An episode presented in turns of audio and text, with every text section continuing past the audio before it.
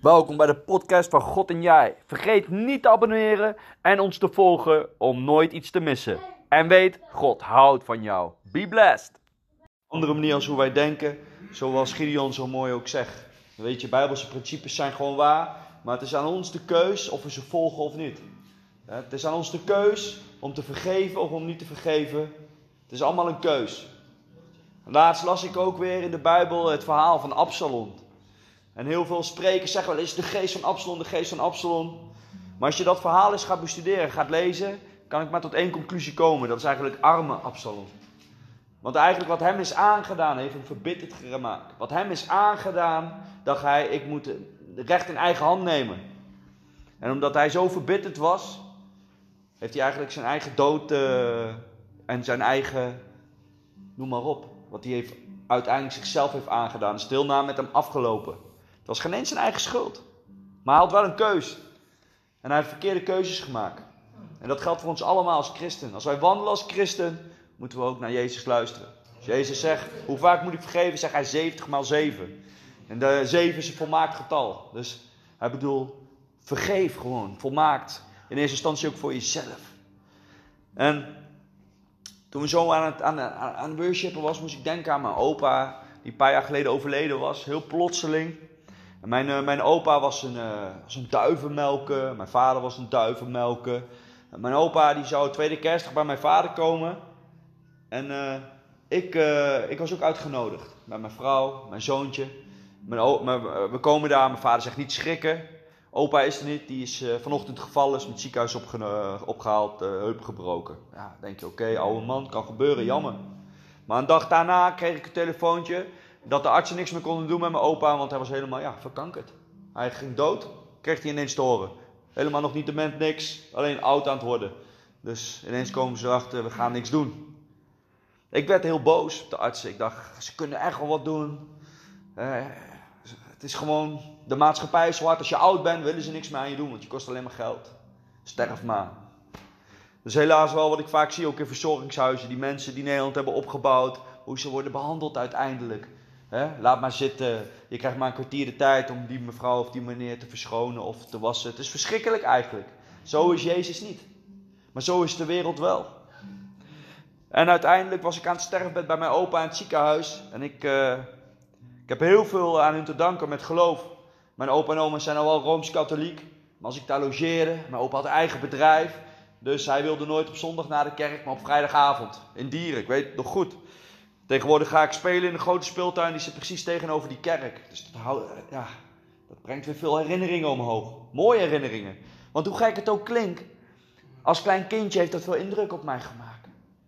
Die beelden en die dingen. God gebruikt alles ten goede. Ook al staat het in de Bijbel, hè, laat, doe dit niet, doe dat niet. Toch gebruikt God alles ten goede. En ik weet gewoon, als ik daar logeerde en ik ging mee. En ik vroeg aan mijn oma, wie is die mevrouw in blauw, wie is die babytje? Dan vertelde mijn oma het evangelie. En dat maakte zoveel indruk op mij, dat ik het leuk vond om naar de kerk te gaan. Ik zat keihard mee te zingen. Ik vond dat gewoon mooi. Uiteindelijk vond ik het heel saai. He, dan dacht ik wel, wanneer gaan we nou naar huis? En dan was het. En dan mocht ik ineens niet mee zo'n koekje ophalen, dat vond ik zo gek. Maar vaak mocht dat wel van mijn opa. Ze zei, ja, kom maar mee. Dus zo was mijn opa. Mijn opa was heel relaxed. Maar toen ik aan het sterfbed was, wilde ik toch weten of mijn opa gered zou zijn. Want ondanks zowel baden met het eten, werd daar gewoon met het GVD-woord gescholden en allemaal dingen. Dat ik dacht toen ik tot geloof was, maar wacht even. Mijn opa en oma gaan wel naar de kerk. En ze bidden wel met eten, maar verder, uh, nou ja, merk ik daar weinig van. Ze hadden geen relatie eigenlijk met Jezus. Als ik dingen zei toen ik helemaal vol was van God, toen dacht ik, ja, mijn opa en oma gaan naar de kerk, daar moet ik mee praten over het geloof. Oh, staat het in de Bijbel, zei mijn opa dan. Ik zei, ja, opa. Oh, dat zijn wel mooie verhalen. En toen ik aan het sterrenbed was, wilde ik één ding weten. Dat was of hij wel echt gered was. Dus ik zeg, opa, geloof je Jezus zoon van God is? Ja, zei hij. Ik zei, opa, geloof je ook dat hij aan het kruis is gestorven, ook voor jouw zonde? Ja, dat geloof ik. En dat hij ook uit de dood is opgestaan? Ja, dat geloof ik. Toen zei ik tegen opa, want uh, hij, was, uh, ja, hij was heel erg dol op geld. Hoe ik erachter kwam ook, hoe een Amerikaans biljet heette, kwam door de hond. De hond heette Dollar. Dus ik zeg tegen mijn oma, dat vind ik echt zo'n gekke naam als klein kindje in de basisschool. Ja, maar opa houdt van geld, daarom heet die hond Dollar. Zo, dus ik dus, dat Amerikaans geld dollar heette. En dat vond ik heel interessant. Dus ik vertelde iedereen natuurlijk. Ik weet hoe je in Amerika geld noemt. Dollar. Want mijn opa, die heeft de hond zo genoemd. En een verhaal. Dus toen ik ook tegen mijn opa zei, wel die op dat sterfbed lag. Dat ik zei, straks ga je naar een plek opa, waar de straten van goud zijn. Maar toen moest hij wel lachen. Dat vond hij dan wel weer mooi. Hij, ja, hij zegt ja, dat het zo moet eindigen. Maar ja, hij had er wel gelukkig vrede mee. Alleen vond het niet leuk. En hij kon het eigenlijk nog niet geloven. Maar twee weken later ja, was hij dus echt dood. Door de morfine en alles. Heel veel pijn had hij gehad. Hij wilde toch thuis sterven. Kon eigenlijk niet, werd afgeraden. Maar hij was... Ja, ja, hij wilde dat per se. Dus dat is ook gebeurd. En toen vroeg mijn oma mij iets. Die vroeg mij twee dingen. Die zei, Edward, ik heb altijd aan de Israël gewild. Wil je met mij meegaan? Ja, mijn, oma, eh, mijn schoonmoeder wist ook dat ik daar heel graag heen wou. Dus ik zei, is goed. Want mijn opa wou daar nooit heen. Die vond dat te gevaarlijk. En toen vroeg mijn oma nog iets. Ja, ik durf het je eigenlijk niet te vragen, vragen, Edward. Maar ik denk dat opa het heel mooi zou vinden als jij de mist wil leiden. Ik dacht, wow. Nou, daar hoef ik niet over na te denken. Natuurlijk wil ik dat. En het is iets gebeurd daar. Toen ik dat deed, toen liet God mij nog meer zien. Dat, waarom de Heilige Geest een trooster werd genoemd. En mijn opa, die had een eigen bedrijf, Altof Woonmode in Doesburg. Uh, hij was een hele bekende Doesburger. Had alle praatjes, altijd veel sporten. Ja, was gewoon een grappige man.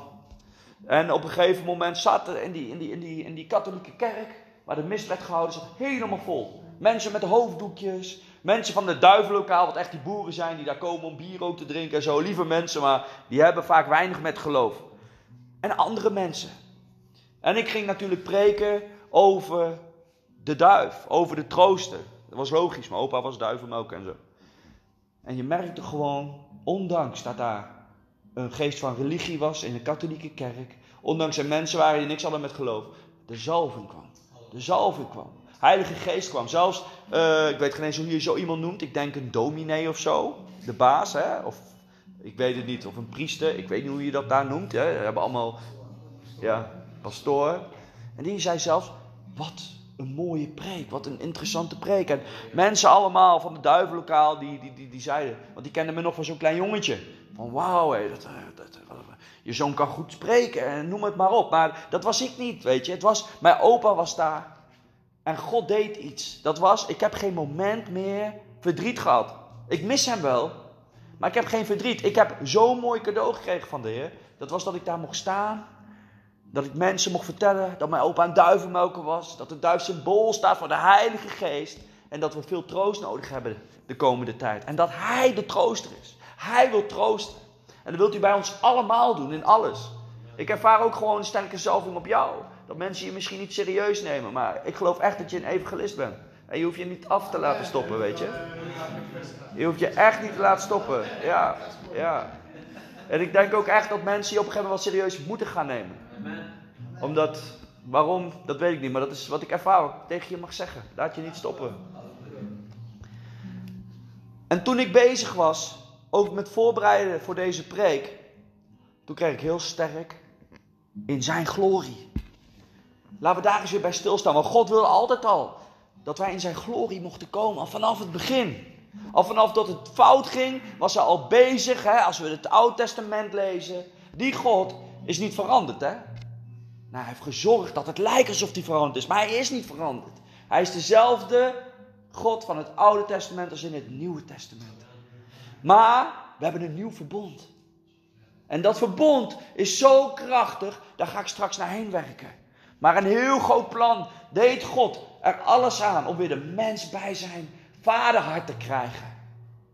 Toen ik in Israël was en ik zat daar aan het zwembad en ik hoorde al die kleine kinderen Abba, Abba roepen. Ik had mijn ogen dicht met die zon in Israël. Kinderstemmetjes die Abba, Abba roepen. Ik dacht echt, misschien klinkt het zo wel in de hemel. Zo mooi was dat, zo'n moment. Dat ik daar zat in het water met mijn voeten op het zwembad. En allemaal kindertjes hoorde lachen, schreeuwen, spelen met het zwembad in het water. Grote mensen hoor je lachen en dan hoor je die kinderstemmetjes. Abba, Abba. Zo indrukwekkend. En ik denk, als we in de rust van God komen, wat soms heel lastig is door de maatschappij. Maar dat is ook een tactiek van de tegenstander hè, om te roven en te stelen. Want hij is een mensenmoordenaar. En hij haat God en hij kan God niet pakken. Dus pak hij zijn kinderen. Pak hij de oogappel van God de Israëlieten, maar ook ons.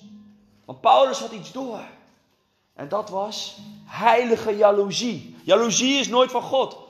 Maar wanneer iets heilig is, heeft dat een doel. Het doel was dat we allemaal iets willen. Maar wat God ook ons wil geven. Maar het kost je wat. Het kost zoveel. Sta je achter Jezus? Of doe je mee met de wereldse geest? Doe je water bij de wijn? Wat ook Gideon zei. Dat is veilig. Maar dat is niet wat God wil. Weet je wel, ik vind het zo mooi wat Gideon zegt. Ik bid met mensen. Vanochtend kwam er een mevrouw naar me toe. En die zei, het gaat niet goed met een kennis van mij. Wil je met mij bidden voor hem? Alleen maar omdat ze me heeft gezien met armbandje. Dat ik heb gezegd, ja ik ben gelovig. Weet je, soms denken wij dat we meteen een hele gigantische getuigenis en alles moeten vertellen. Maar soms zitten mensen daar niet op te wachten. Soms willen mensen alleen maar, oké ben je gelovig, klaar. Maar als ze je weer opzoeken, dan heb je een open deur. En weten ze dat ze bij je moeten zijn. Wij willen soms zo graag dat we niet naar de Heilige Geest luisteren, maar naar de religie luisteren. Naar de kennis luisteren. Jezus, als ik dat lees over Jezus, Jezus zegt niet heel vaak tegen mensen van, hey, luister eens naar mij, want ik ga het jou vertellen. Nee, hij gaf warmte, hij gaf liefde. En hij zei, je hoort erbij als je dat wilt. En door die warmte en die liefde en die transparantheid willen we dat. Door de atmosfeer, door zijn glorie. Vroeger konden alleen priesters naar de heilige de heilige komen. Hè? Dat noemden ze tabernakel. Tabernakel is eigenlijk een ander woord voor tent, woning. God woonde daar. Maar dat was heel interessant. En in Exodus 13, vers 21 en 22 staat een kort stukje. Daar staat er dit. De Heer ging voor hen uit. Overdag was hij in een grote, hoge wolk om hen de weg te wijzen. En s'nachts was hij in een wolk van vuur om hen te verlichten. Want zo konden ze dag en nacht verder reizen. Aldoor bleef overdag de grote hoge wolk en s'nachts de wolk van vuur voor hen uitgaan. Moet je nagaan dat God zo dicht bij de mens wilde komen. Maar hij kon niet in zijn heerlijkheid komen, in zijn gedaante komen. Misschien omdat hij dan zoveel licht was of energie was dat je gewoon wegschroeide. Misschien wel een soort atoom iets, ik weet het niet. Maar hij is zo krachtig dat hij zegt tegen Mozes, je kan me niet zien want je zal sterven. Dat kunnen we niet begrijpen. Dus hij verzon wat. Ik zal in het vuur zijn zodat jullie kan leiden. Ik zal in een wolk zijn zodat ik verstopt ben en jullie zien mij niet, maar ik ben er. Ik ben, heet hij. Wat, ik ben is zo'n bijzonder woord. Dat omvat alles. Ik ben. Ik ben daar. Ik ben hier. Ik ben zus. Ik ben zo. als we ons voorstellen. Ik ben Edward. Als je je voorstelt en ze vragen wie ben je, dan vertel je eigenlijk alles wat je denkt, wat met jouw identiteit te maken heeft. Je leeftijd, je werk, je naam, je nationaliteit, noem het maar op. Je kinderen hebt of getrouwd bent. Maar God zegt daarom, ik ben. Binnenkort heb ik, eh, ik heb een wetenschapper ontmoet. Maar op een hele bijzondere manier. Dat kan ik je niet vertellen. Ik zei tegen hem, want ik gaf hem personal training. Ik zei tegen hem, oké, nu ga je planken. En op het moment dat hij wou planken, zei hij, weet je waar dat vandaan komt? Weet je wat planken is? Ik zeg, ja, dat zal wel hout zijn. Hij zei, nee, plank is het allereerste wat de wetenschappers weten. Daarna kwam vanuit die plank, wat zo klein is, wat niet te kijken is. En binnen een seconde kwam, die, uh, kwam de Big Bang. Hij zegt, zo ben ik tot geloof gekomen. Hij zegt ook weer mijn armbandjes. En ik ben met hem gaan praten. En hij heeft mij getrakteerd op een heerlijke ribeye. En nou gaat hij een keer komen. Ja, dan maak je wel vrienden met mij. Ik hou van eten. en nou komt hij binnenkort bij ons ook een lezing geven. Over wetenschap en hoe het is. En je ziet dat God het gebruikt. Ik kom nu zoveel ook ineens weer mensen tegen. Die willen weten wat ik doe. En die niks hebben met geloof maar wel wat hebben met hoe, zijn de, hoe is het universum ontstaan? Waar woont God? Paulus zegt het. Er zijn drie hemelen. En wij leven op één van die. Alleen het is een gevallen hemel eigenlijk. Gebroken, gebroken, gebroken is de wereld. Maar God gaat het herstellen. Er komt een nieuwe, een nieuwe hemel en aarde. En ik geloof dat die dag sneller kan komen als dat we maar kunnen voorstellen. Er gebeurt zoveel in deze tijd. En wij zijn gered door Jezus Christus. Niet door religie. Niet door, eh, door dingen niet te eten of om zo vaak te bidden. Niet door ons levenswijze. Nee, God zegt, je bent gered door mijn zoon. Maar wat hoop ik dat je honderdvoudig vrucht wilt dragen. Dat is weer een keuze. Zo'n lieve papa hebben we. Een goede vader zou toch niet zeggen, ah, je bent niet voor, uh, voor, uh, voor Ajax, laat ik het allemaal ophouden, hè Gideon? of die zegt niet, ah, je bent lelijk of je bent dik. Of nee, hij wil je helpen om misschien af te vallen. Hij wil je misschien helpen om voor een betere club te worden. Ik zeg maar wat. Hij wil... nee, hij is ontspannen. Maar hij houdt van je. Dat is onze God. Maar je kan onze God trots maken. En dat is door ze mee te doen. Mee te doen met de grote opdracht. Door zijn glorie te laten zien. En als ik lelijke taal in mijn mond heb, of een houding heb, die misschien wel eens gebeurt, want ik ben maar een mens, laat ik niet zijn glorie zien. Maar juist als ik op plekken ben en ik lach niet mee met rare grapjes en ik praat niet over de persoon, maar ik heb een goed woord, dan gaan mensen denken: hé, hey, uiteindelijk, dat ziet die jongen of dat ziet die mevrouw, dat ziet dat meisje of dat jongetje. En dan weten wij dat komt, omdat ik voel dat de Heilige Geest het niet grappig vindt. Ik wil zijn licht laten zien, ik wil zijn glorie laten zien. Dat is alles. En wij gaan een verschil maken. Mensen gaan jou opzoeken dan. Waarom? Omdat ze je vertrouwen. Die, die, die, die gast die roddelt niet. Dat, dat geloof ik niet. Die kan ik vertrouwen. Die kan ik, met hem kan ik wel erg, of met haar ergens over praten. Dat zijn kleine dingen misschien, maar het zijn hele grote dingen voor God. Ik moet zo denken, daar heb ik toen ook over gepreekt toen ik buiten was. Dat heeft zoveel indruk op mij gemaakt. Jezus kwam bij Nicodemus. We moeten niet vergeten, hè? Jezus gaf onderwijs gewoon buiten en alles. En Nicodemus was een fariseeën. En toch maakte Jezus s'avonds laat Hoewel hij misschien wel had kunnen bidden, had kunnen slapen, met zijn discipelen had kunnen eten, had kunnen napraten. Nee, hij maakte tijd voor een hypocriet persoon die niet overdag bij Jezus kon zijn. Een wetgeleerde, een fariseeër. Jezus dacht niet zo. En als hij wel zo dacht, bestrafte hij die gedachten. En hij maakte tijd voor die persoon om hem uit te leggen wat de doop nou daadwerkelijk inhoudt. Zoveel mensen snappen niet waarom je gedoopt moet worden. Het is eigenlijk heel simpel. Dat is, wil je geestelijk leven? Laat je dan opnieuw geboren worden. Ga de watergraf in. Je gaat niet ineens beter worden. Nee, een baby gaat ook niet meteen leren praten. Hè? Heb ook niet meteen tanden om lekker te kunnen eten. Nee, stap voor stap. Maar het gaat om de keuze. Ja, ik wil geestelijk geboren worden. Het is zo simpel, het evangelie. Het is gewoon doen. Het is gewoon vallen en weer opstaan. Zijn glorie laten zien. De Bijbel laten leven door je houding. Nummer 14, vers 14. Vind ik ook zo'n mooi stukje. Dan staat er. En de volken, dat is dan eigenlijk. Dan, dan heeft God helemaal klaar met het volk. En Mozes, wat trouwens eigenlijk een moordenaar was. En daarna in de Bijbel de zachtmoedigste man wordt genoemd die leefde.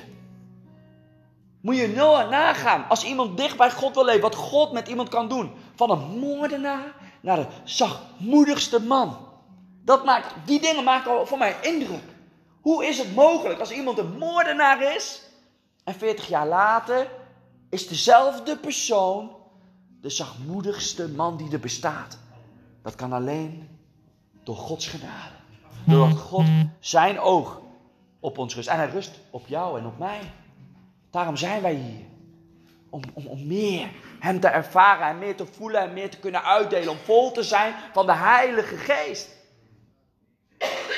En dan zegt Mozes het volgende tegen God. Nee, nee, nee God, u heeft ons gered uit Egypte. U heeft ons van alles laten, laten overwinnen. Als je ons nu allemaal gaat vermoorden en alleen maar mij door wil gaan. Dat, dat, dat is raar. Je Mozes neemt het op.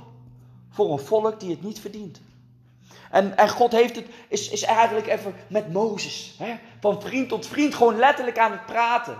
Het lijkt wel bijna alsof God ook aan het klagen is tegen Mozes. En dat Mozes raad geeft aan God. Het is ongelooflijk als je daarbij stilstaat. Niet omdat God het nodig heeft, maar omdat God het fijn vindt om met een vriend te praten. Zoals een vader met een zoon praat. Als ik met mijn zoon praat, dan wil ik graag naar hem luisteren. Hij is zeven en hij laat me versteld staan als ik hem de kans geef om naar hem te luisteren, om hem te laten praten. Ik denk dat God verbaasd was dat Mozes zulke wijze christelijke dingen zei. En God weet alles. Misschien dacht je wel, wauw Mozes, je doet me zo denken aan mijn zoon die nog moet komen. Straks in het vlees, want hij was er natuurlijk al. Hè? Lezen we in Spreuken 8 dat Jezus al bij God was. Wat zei je? Hier, halleluja. En op een gegeven moment, dan zegt God, en de volk hier in het land hebben gehoord dat u zelf bij dit volk bent en dat u heel persoonlijk met het volk omgaat. Ze weten, zo, ze, weten dat u overdag in een grote hoge wolk voor hen uitgaat en s'nachts in een wolk van vuur. Wat bijzonder. Dat God, omdat hij niet bij hen kon komen, wat ik net al zei, dat deed. En dat de Bijbel het niet alleen in Exodus vertelt, maar ook in Nummerieën en nog meer dingen. Dat zegt, dat, dat zegt al genoeg. Dat zegt eigenlijk dat God al vanaf dag nummer 1 een relatie wilde met jou en met mij. En het heeft heel lang moeten duren. Leuke weetjes zijn bijvoorbeeld, daarom is als je de Bijbel gaat lezen en God gaat leren kennen, je gaat van baby groeien, dan gaan dingen je opvallen. Getallen, bepaalde namen, namen eh, worden veranderd, patronen ga je zien, herkennen we misschien wel. En dan lezen we dat Jozef uiteindelijk van de, van, hè, van de, van de, van de twaalf broers de koning wordt. Dat Egypte eigenlijk het volk Israël, hè, laten we het dan Israël, de Hebreeërs, het Abraham nageslag ging redden. En alles wat erbij kwam, alle volk, alles zo, hè, erbij nog de mensen, dat waren 70. Weet je waar ik daaraan moet denken? Dat lijkt alweer een schaduw naar Jezus. Jezus, de baas van de twaalf discipelen, hij redde de mensen die nog moesten veranderen. Als we kijken naar Petrus, die uiteindelijk verder mocht. Nou, daar hadden veel mensen vraagteken. Misschien zit hier wel een Petrus, van wie we het helemaal niet verwachten. Maar God ziet de potentie. En als jij wilt, dan doet hij dat. Want hij wil jou doen versteld staan. Hij wil laten zien wat hij kan. Omdat hij God is. En dan lezen we ineens dat Jozef met al die bijen, vrouwen in die tijd en met de kinderen en zo, waren 70. Jezus had hè, 12 discipelen en daaromheen nog 70 mensen. Ik ben nog niet helemaal uit wat dat betekent, maar dat staat er niet zomaar en dat valt mij dan weer op. En dan denk ik, heer, waarom laat u mij dat zien? En dan ga ik erover nadenken. Hij wil door zijn woord jou kenbaar maken. Hij wil door zijn woord die relatie. Hij wil jou dingen laten oppoppen. Dat je al duizend keer bij wijze hebt gelezen. En ineens zie je iets. En dan ben je hongerig. Je wilt weten waarom zie ik dit. En je gaat wandelen. Je gaat steeds meer achterkomen. Je gaat steeds meer erachter komen waarom God zegt: Ik ben één, maar ik ben een drie-eenheid. Dat is een mysterie. Maar als we gaan wandelen met de Heilige Geest, gaat hij je dat uitleggen. Ga je het steeds beter begrijpen. Of je gaat het e-, eindelijk een keer een beetje begrijpen. Maar daarom heet ons geloof geloof. Daarom staat in Hebreeën 11 vers 1, we hebben het niet ontvangen door het zien, maar door het geloof. Al die geloofshelden waren net zo puzzelstukjes als ons. Als ik eerlijk ben, ik verwacht wel dat ik Jezus ga terugzien. Daar heb ik echt verwachting voor. Maar dat had Paulus ook. Dus ik, ik ga, niet, ga, ga, ga niet iets zeggen wat niet kan. Ook de Bijbel zegt, dat kan niemand weten. Maar ik heb daar wel geloof voor, omdat ik aan het tekenen zie dat we in een bijzondere tijd leven. Omdat ik zijn glorie voel die sneller gaat. We zagen bepaalde opwekkingen, dat het helemaal ging weer, dat de geest tot leven komt. En je ziet ook nu heel veel kerken die zo door daarin gaan, dat ze vergeten zijn om weer gezond onderwijs te geven. Alles moet in balans. Onderwijs is belangrijk. De kracht van God is belangrijk. Maar God is zoveel meer dan alleen maar onderwijs, kracht en noem het maar op. Matthäus 17, vers 1 tot 9. Op een gegeven moment is daar Jezus. Hij zegt: Ik ben de koning. Ik ben de nakomeling van David. En ik ga jullie laten zien wat de naam nou echt is van de Ik ben van God. Weet je wat dat is? Abba, vader. Niemand noemde God vader. Niemand. Maar Jezus zei continu: Ik kom de vader openbaren. De naam van de ik ben, de naam van de God is vader. Eigenlijk laat Jezus hier al zien: ik ga de intimiteit zo krachtig met met, met de eeuwige maken. Vader is hij. Hij is een vader en ik ben de sleutel. Door mij kan je weer terugkomen bij de vader. Mits je dat wilt. En wat werden de mensen boos? Wat werden de mensen boos? Die wel mooi vonden de trucjes die hij deed, hè? Maar dat zeiden sommige fariseeën, dat zijn gewoon trucjes. Maar ze bleven wel komen. Anderen geloofden wel dat hij een profeet was en wonderen deed. Maar als dezelfde mensen hoorden dat God niet zo ver weg is, maar dichtbij is en een vader is. En dat hij de zoon is. En dat hij moet sterven. Toen werden ze boos ineens. De waarheid, die zo liefelijk is, zo liefdevol is, die zoveel glorie met zich meeteelt. En toch waren er allemaal mensen die Jezus de rug toekeerden. En Jezus was ook daarom vaak verdrietig, denk ik. Want hij had last van die emoties. Zo'n lieve man. Als hij in de tempel is, zien we ook dat hij boos werd. Omdat ze van, hè, van het huis van zijn vader een roversnest maken. Geld wilde verdienen, handel wilde drijven. Hij werd daar kwaad van. En hij begon al te profiteren. Ik breek deze tempel af en ik bouw hem in drie dagen op. En die fariseeën, dat kan niet, dat duurt minstens 70 jaar. Maar Jezus had het al over. De tempel van zijn lichaam.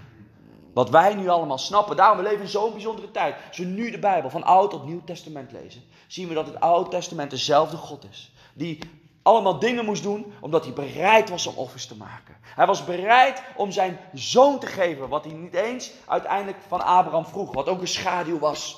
Waar zijn glorie kwam. Waar het bokje, het zondebokje ineens stond voor Abraham.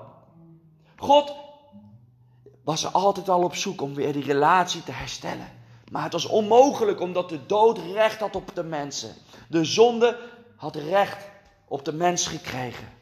En de viezerik, die duivel, komt nogmaals alleen maar om te roven te stelen. En die komt met twijfel. En die wil niet dat jij de honderdvoudige vrucht gaat dragen. Maar als jij wilt, als jij wilt, ga je er komen. En waarom? Omdat God slimmer is dan de duivel. Als jij spijt hebt, staat er in de Bijbel ook. En rechtvaardig zal zevenmaal vallen, maar zevenmaal opstaan. Zeven, nogmaals, is het getal van volmaaktheid. En dat staat al in het Oude Testament. En dat is een profetie. Want het Nieuw Testament leert ons dat geen mens rechtvaardig is als ze niet Jezus Christus heeft aangenomen. Weet je wel? Ik weet niet of dit waar is, maar ik zit wel eens en dan ben ik aan het bidden en denk ik, stel je voor dat ik in de hemel ben. Helemaal rood onder het bloed van Jezus en ik loop gewoon meteen door naar de hemel. En misschien zie ik, want ik heb goede vrienden die niet geloven, maar wel met gehandicapten werken en super lief zijn. Super christelijk eigenlijk zijn, maar ze hebben Jezus niet aangenomen. En die staan dan daar om geoordeeld te worden. Misschien verdienen ze nog wel beter dan mij een plekje in de hemel. Maar het is allemaal genade nogmaals. Allemaal genade. En wij, daarom moeten we ook nooit te hoog krijgen in ons hoofd van, oh ja, hier, ik ben christen, ik ben gered, ik mag spreken, ik mag dit. Nee, het, dat is genade. En dat is zo mooi om te doen, omdat we daardoor mogen laten zien, papa God, ik hou van u. En u bent de redder, u heeft mij gered, ik wil dit delen, want ik snap nu waarom ik leef. De apostelen allemaal snapten waarom ze leefden. En geen één apostel heeft een fijn einde gehad. Ze zijn allemaal vermoord. En Johannes kon zijn laatste dagen uitzitten op Patmos. Ja. Maar het maakt er niet meer uit. Wat Paulus zei. Leven is Christus en sterven is winst. Wow. Zien we nou de Bijbel. Als je zijn glorie krijgt. En dat kost training. Kijk maar nogmaals het leven van Petrus. Kijk maar leven van Judas die niet aankon. De verleidingen van het geld. De verleidingen van, van toch chanteren en, en, en, en, en stelen en roven. Maar dat, dat, dat, zit ook allemaal in ons. Misschien niet roven en stelen, maar misschien wel vechten, misschien wel drugs, misschien wel andere verslavingen. Alles wat boven God komt, alles wat boven Jezus komt, is niet goed. Maar als jij je van bekeert, dan gaat God weer aan de slag met je. En, en, Jezus is gekomen en Jezus doet iets heel bijzonders, vind ik. Dat staat in Matthäus 17, vers 1 en 9. Zes dagen later nam Jezus alleen Petrus, Jacobus en Johannes, de broer van Jacobus, mee een hoge berg op. En ze zagen hem plotseling veranderen. Zijn gezicht begon te stralen als de zon en zijn kleren werden zo wit als het licht. Plotseling zagen ze Mozes en Elia met Jezus spreken. Petrus zei tegen, Petrus zei tegen Jezus, Heer, het is goed dat we hier zijn. Als u dat wil, zal ik hier drie tenten neerzetten. Eén voor u, één voor Mozes en één voor Elia. Datzelfde moment kwam er een stralende wolk om hen heen. En een stem zei vanuit de wolk: Dit is mijn zoon van wie ik heel veel hou. Ik ben erg blij met hem. Luister naar hem. Toen de leerlingen dit hoorden, lieten ze zich op de grond vallen van angst. Maar Jezus kwam naar hen toe, raakte hen aan en zei: Sta op, wees maar niet bang. Toen ze opkeken, zagen ze niemand meer. Alleen Jezus was er nog. Terwijl ze de berg afdaalden, zei Jezus tegen hen: Vertel niemand wat jullie hebben gezien. Jullie mogen het pas vertellen als de mensenzoon uit de dood is opgestaan.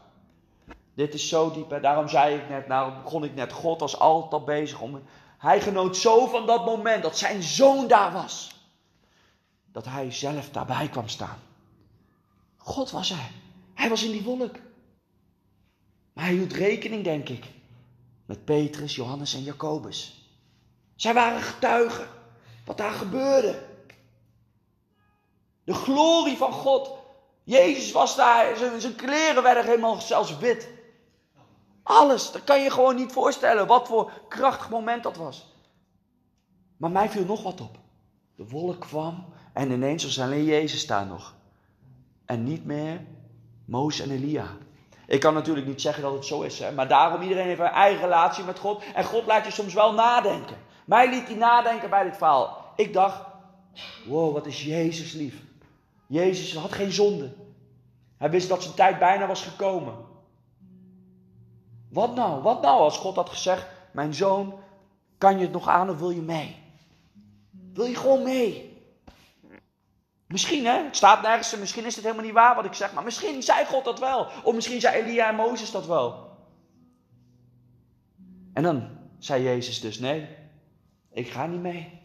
Ook al ben ik zonderloos, kan ik zo meegaan. Nee, ik moet het afmaken voor mijn vrienden, voor de mensen, voor jou papa. Dat, dat, vind ik zo fijn als ik Bijbel lees. En dat ik dan die gedachten krijg. Dan voel ik gewoon dat dat niet mijn gedachten kunnen zijn. Dat is op dat moment de glorie van de Heilige Geest die in jou en in mij woont. Door het offer van Jezus. Die mij die vraag stelt. Die mij ineens zo laat denken. En dat ik denk, wow. Ja, misschien is dat wel gebeurd. Misschien ook niet, hè, maar misschien wel. Wat bijzonder. En dat kan niet alleen Jezus, dat kunnen wij ook. Ook Petrus zei: Ik ben het niet waard, hang mij maar andersom. wat een lef. Of Stefanus. Als Stefanus nou wel had gezegd: Oké, weet je, ik zal niet meer over die Jezus praten. En niet had gezegd dat ze alle profeten hadden vermoord. Was hij misschien weggekomen met de gevangenisstraf en, en de 40 min 1 slagen. Maar nee, hij was vol van zijn glorie. En hij kon niet anders dan hen terechtstellen en zeggen waar ze mee bezig waren. En deze Paulus kreeg het allemaal mee. En misschien werd het toen al zaad in zijn hart gestort. Misschien heb jij wel hele vervelende problemen gehad met ouders, schoonouders, neefjes, nichtjes, vrienden. Dat je denkt, oh, door geloof ben ik ze kwijtgeraakt. Maar misschien heeft dat wel tot op de dag van vandaag heel veel effect. En komen de mensen die het af en toe water geven. En dat je in één keer wel een appje of een telefoontje krijgt. Of tegenkomen op een of andere event. Huh, jij tot geloof? Ja, maar eigenlijk moet sorry zeggen tegen jou. Ik heb het een keer meegemaakt. Dat ik op een event was en dan zag ik iemand vroeger van de, van de middelbare school. En ik dacht al bij mezelf van, die zal wel schrikken als die ziet dat ik hier ook ben. Als hij mij nog kent. Het was heel lang jaren voorbij en ik, ja, ik kom uit een ongelovig gezin. Alleen mijn opa en oma waren gelovig, maar deden niks mee. Mijn ouders geloofden niet en ik was echt een wereldse gast. Ik deed dingen die niet goed waren. Dus ik liep naar hem toe. Ik zeg, ken je mij nog? Ah, hij kende mij nog. En hij zegt, oh, ik wil jouw getuigenis wel horen. Ja, lachen, ja. Maar dat is wel zo. Maar dat doet God, dat doet zijn glorie. Toen hij mij aanraakte, kon ik alleen maar huilen, kon ik alleen maar danken. Die keer erop, alleen maar huilen. En toen ik hoorde dat dat de liefde van Jezus was, nog harder huilen. Dat doet ware liefde. Dat doet onze God. Ik wil eindigen met gebed. Heere Jezus, dank u wel dat u zo lief bent. Dat u bent gekomen naar de wereld voor ons. Als de goede herder. En dat wij uw schaap mogen zijn. Dank u wel dat, dat we misschien wel een verloren schaap waren, maar dat u speciaal voor ons bent gekomen. En ik bid ook dat er veel zaad in ons hart mag komen. Uw zaad, goed zaad. Dat het niet geroofd wordt, maar dat het nog mag bloeien, groeien. En soms gaat dat door stank heen, omdat er goede mest moet komen. Soms gaat het door pijn heen, omdat er gesnoeid moet worden, of omdat er distels tussen komen. Heer, maar u houdt ons vast. En Heer, ik bid ook dat u ons elke keer weer kracht geeft om ook vast te houden, om door te gaan. Dat we niet stoppen, Heer, maar dat we doorgaan. Zodat we niet 30 of 60, maar honderdvoudig vrucht mogen dragen. Dat wij net zoals die apostelen en discipelen, als het moet, ons leven kunnen geven. Heer, het is makkelijker gezegd dan gedaan. Maar dat willen we. Althans, dat wil ik. En ik bid ook gewoon dat hoef je niet hardop te zeggen, dat mag, maar dat hoeft niet. Dat mag je ook in je hart zeggen. Ook als dit voor jou geldt. Want dat is iets. Maar God vraagt dat. Wil je je leven aan me geven? Wil je jouw leven aan het kruis geven om te wandelen en te handelen, net als mijn zoon? Maar hij is de grote leraar. Ben je bereid om elk moment van de dag met mij in contact te zijn? Als ik wat van je vraag, ook al is het niet leuk, dat je het toch doet en je gaat ervaren dat het wel leuk is. Voor mij geldt het. Ik zeg hier ja op. Ik wil ook deze vraag aan jou stellen. Als je hier ja op kan zeggen, weet dan wel dat het gevaarlijk is, omdat God echt met je aan de gang gaat. En zoals er ook staat geschreven in Johannes 15. Soms ben je blij met mooie vruchten. En zijn het mooie vruchten. Maar God weet, ik moet snoeien. Er komen er nog meer vruchten. Nog grotere, nog zoeter, nog lekkerder. En dat zijn dan vaak tijden die niet leuk zijn, maar wel de bijzonderste tijden waar je nog krachtiger wordt en nog mooier wordt. Heer, hier zijn wij. En we willen doen wat u wilt. Gebruik ons, leid ons en help ons. Want zonder u kunnen we niks. En waarschijnlijk willen we het ook niet zonder u doen. Want met u, ja, met u, dat is ons leven. We willen leven met die missie. Wat is nou 80 jaar hier op aarde tegenover de eeuwigheid? Dank u wel, Jezus, dat u in ons bent komen wonen. Dank u, Vader, dat u daar ons de Heilige Geest kon geven, dat we bezegeld zijn. Dank u wel, lieve Heilige Geest, dat u de stem van God laat klinken, ons onderwijs geeft. En ik proclameer ook over iedereen 1 Johannes 2, vers 27. Daar staat: Laat geen mens jouw leraar zijn, maar de zalving Gods. Die zal jou alles leren. De Heilige Geest in jou. Je hoeft niet op iemand te lijken. Je hoeft niet te zoeken. Het zal zich allemaal ontvouwen wie jou bent. De geest van profetie. Kom, Heer. Bemoedig ons. Paulus zegt er niet voor niks.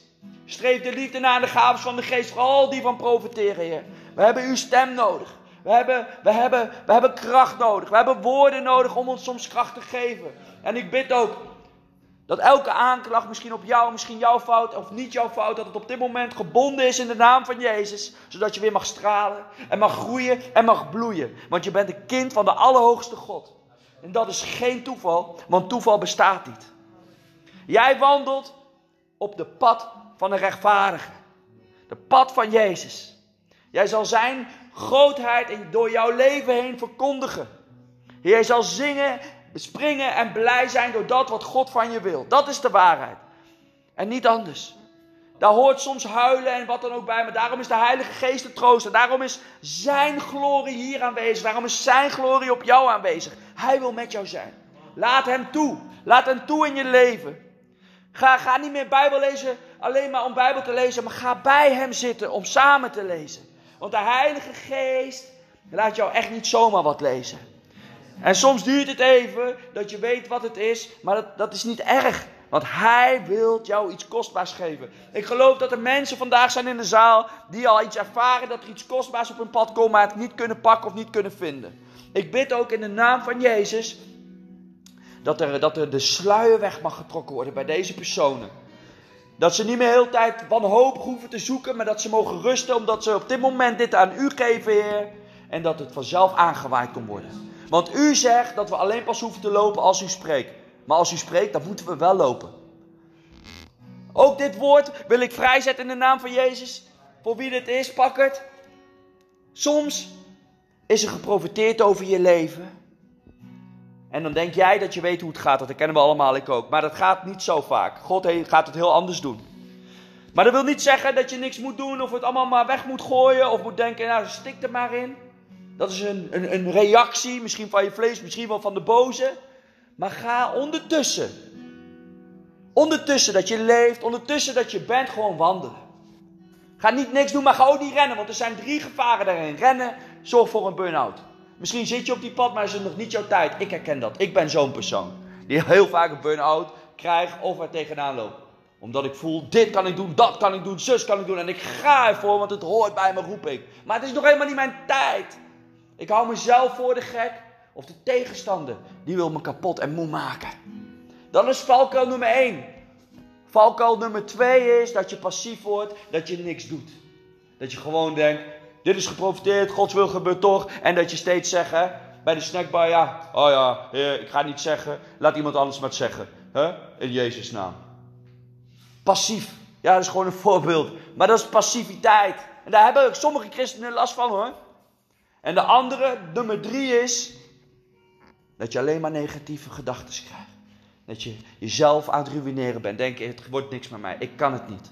Dit zijn hele logische gedachten waar we allemaal mee te kampen hebben.